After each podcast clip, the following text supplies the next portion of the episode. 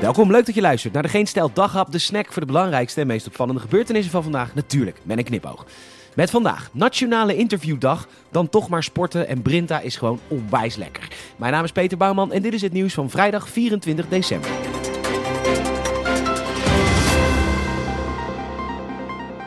Groot interview in de Telegraaf vandaag met de grote leider van ons land.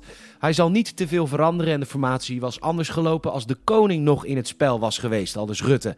Daarop werd niet doorgevraagd, maar de reden mogelijk duidelijk zijn. Dan was er namelijk geen informateur met functie elders naar buiten gelopen, want bij de koning weet je zeker dat het één grote achterkamer is. In een soort uh, achterhuis of beladen, uh, achterpaleis.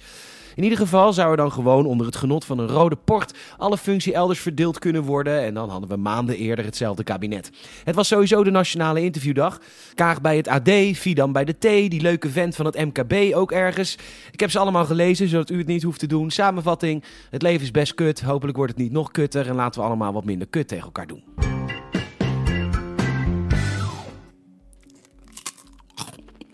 Kut COVID, joh dan gaat zo nestelen je buikvet. Maar een maagverkleiding is op dit moment niet te krijgen. Terwijl maagverkleiding juist nu in trek is, omdat alle te zware mensen denken: ja shit, dat COVID, dat gaat in mijn buik zitten en dat wil ik niet. En nu kun je ervoor kiezen om minder te eten, te drinken en te sporten. Maar ja, de sportscholen zijn dicht en de gallengal is, goddank, open.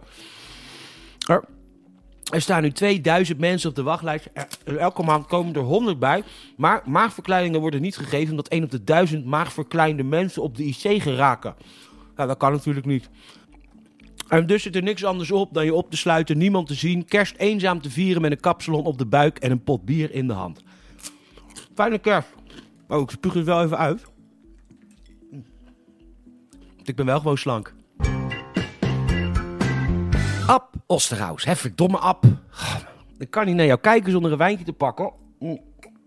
En ik moet vanavond ook nog naar mijn andere werk. En dan kom ik weer licht beschonken binnen. En dan roepen de collega's altijd wel van... Oh, dus Ab zat weer in de daghap. En dat is wel zo. Maar met een rijdend beroep is dat best wel gevaarlijk en zo. Maar goed, het is nieuws. Want App is dus een keertje positief. Ja, normaliter predikte virusmiljonair altijd hel en verdoemenis. Over alles, niks valt ooit mee. Maar nu voorspelde hij dat corona langzaam een griepvirus zou worden. En hij zei zelfs dat Omicron dus echt wel minder ziekmakend is. En dat is positief. Bedankt App, dat nemen we mee de kerstdagen in. Cheers. Brinta is in het nieuws. Je weet wel, Brinta! Dat bedrijf met dat heerlijke volkoren Brinta graanontbijt. Of wat dacht je van dat oh zo gezonde Brinta havermout? Lekker! Een van de weinige producten waar ik met een boog om het huismerk heen loop om direct naar de Brinta te sprinten. Watertandend reken ik dan af en met rode koontjes van de opwinding verlang ik al naar huis om daar mijn Brinta oergranen te verorberen. Nou ja, Brinta! Dus, die zijn negatief in het nieuws. Niet vanwege de smaak van hun producten, want Brinta is echt tering lekker. Maar omdat ze een rouwadvertentie hebben geplaatst voor schaatsheld Reinier Paping, die op 90-jarige leeftijd is overleden. En onder de advertentie van Brinta stond dus het logo van Brinta. Mensen online woest al dus het AD, want dit zou een verkapte advertentie zijn. Terwijl heel eerlijk, lieve mensen, denken jullie nou echt dat Reinier Paping de Elstedentocht van 1963 had gewonnen zonder Brinta? Appel en rozijn gaan ontbijt? Natuurlijk niet! Of denk je nou echt dat Reinier Paping 90 jaar oud was geworden zonder Brinta? Wake up banaan, ga toch weg man!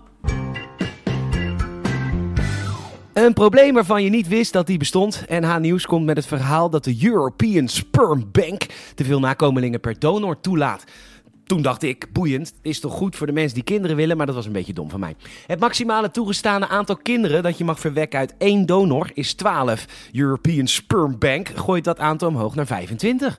Want wat als twee anonieme donorkinderen een relatie krijgen en kinderen krijgen? En dat is inderdaad best wel een groot probleem. Dus moet je die donor per kind een beetje beperken. Want ja, er zijn heel veel mensen die eigenlijk gewoon op zichzelf vallen. Dus als je dan iemand tegenkomt die er net zo uitziet als jij, nou ja, maar klinkt het best wel geil eigenlijk. ik zou niks van mezelf overlaten. Bedankt voor het luisteren. En uh, je zou ons enorm helpen als je een vriend of vriendin of familielid over deze podcast vertelt. Mond-tot-mond reclame help je ons enorm mee. Je kan hartjes geven bij Apple Podcasts en nu ook bij Spotify. En je kan ons ook volgen via vriendvandeshow.nl. Nogmaals bedankt voor het luisteren en tot morgen.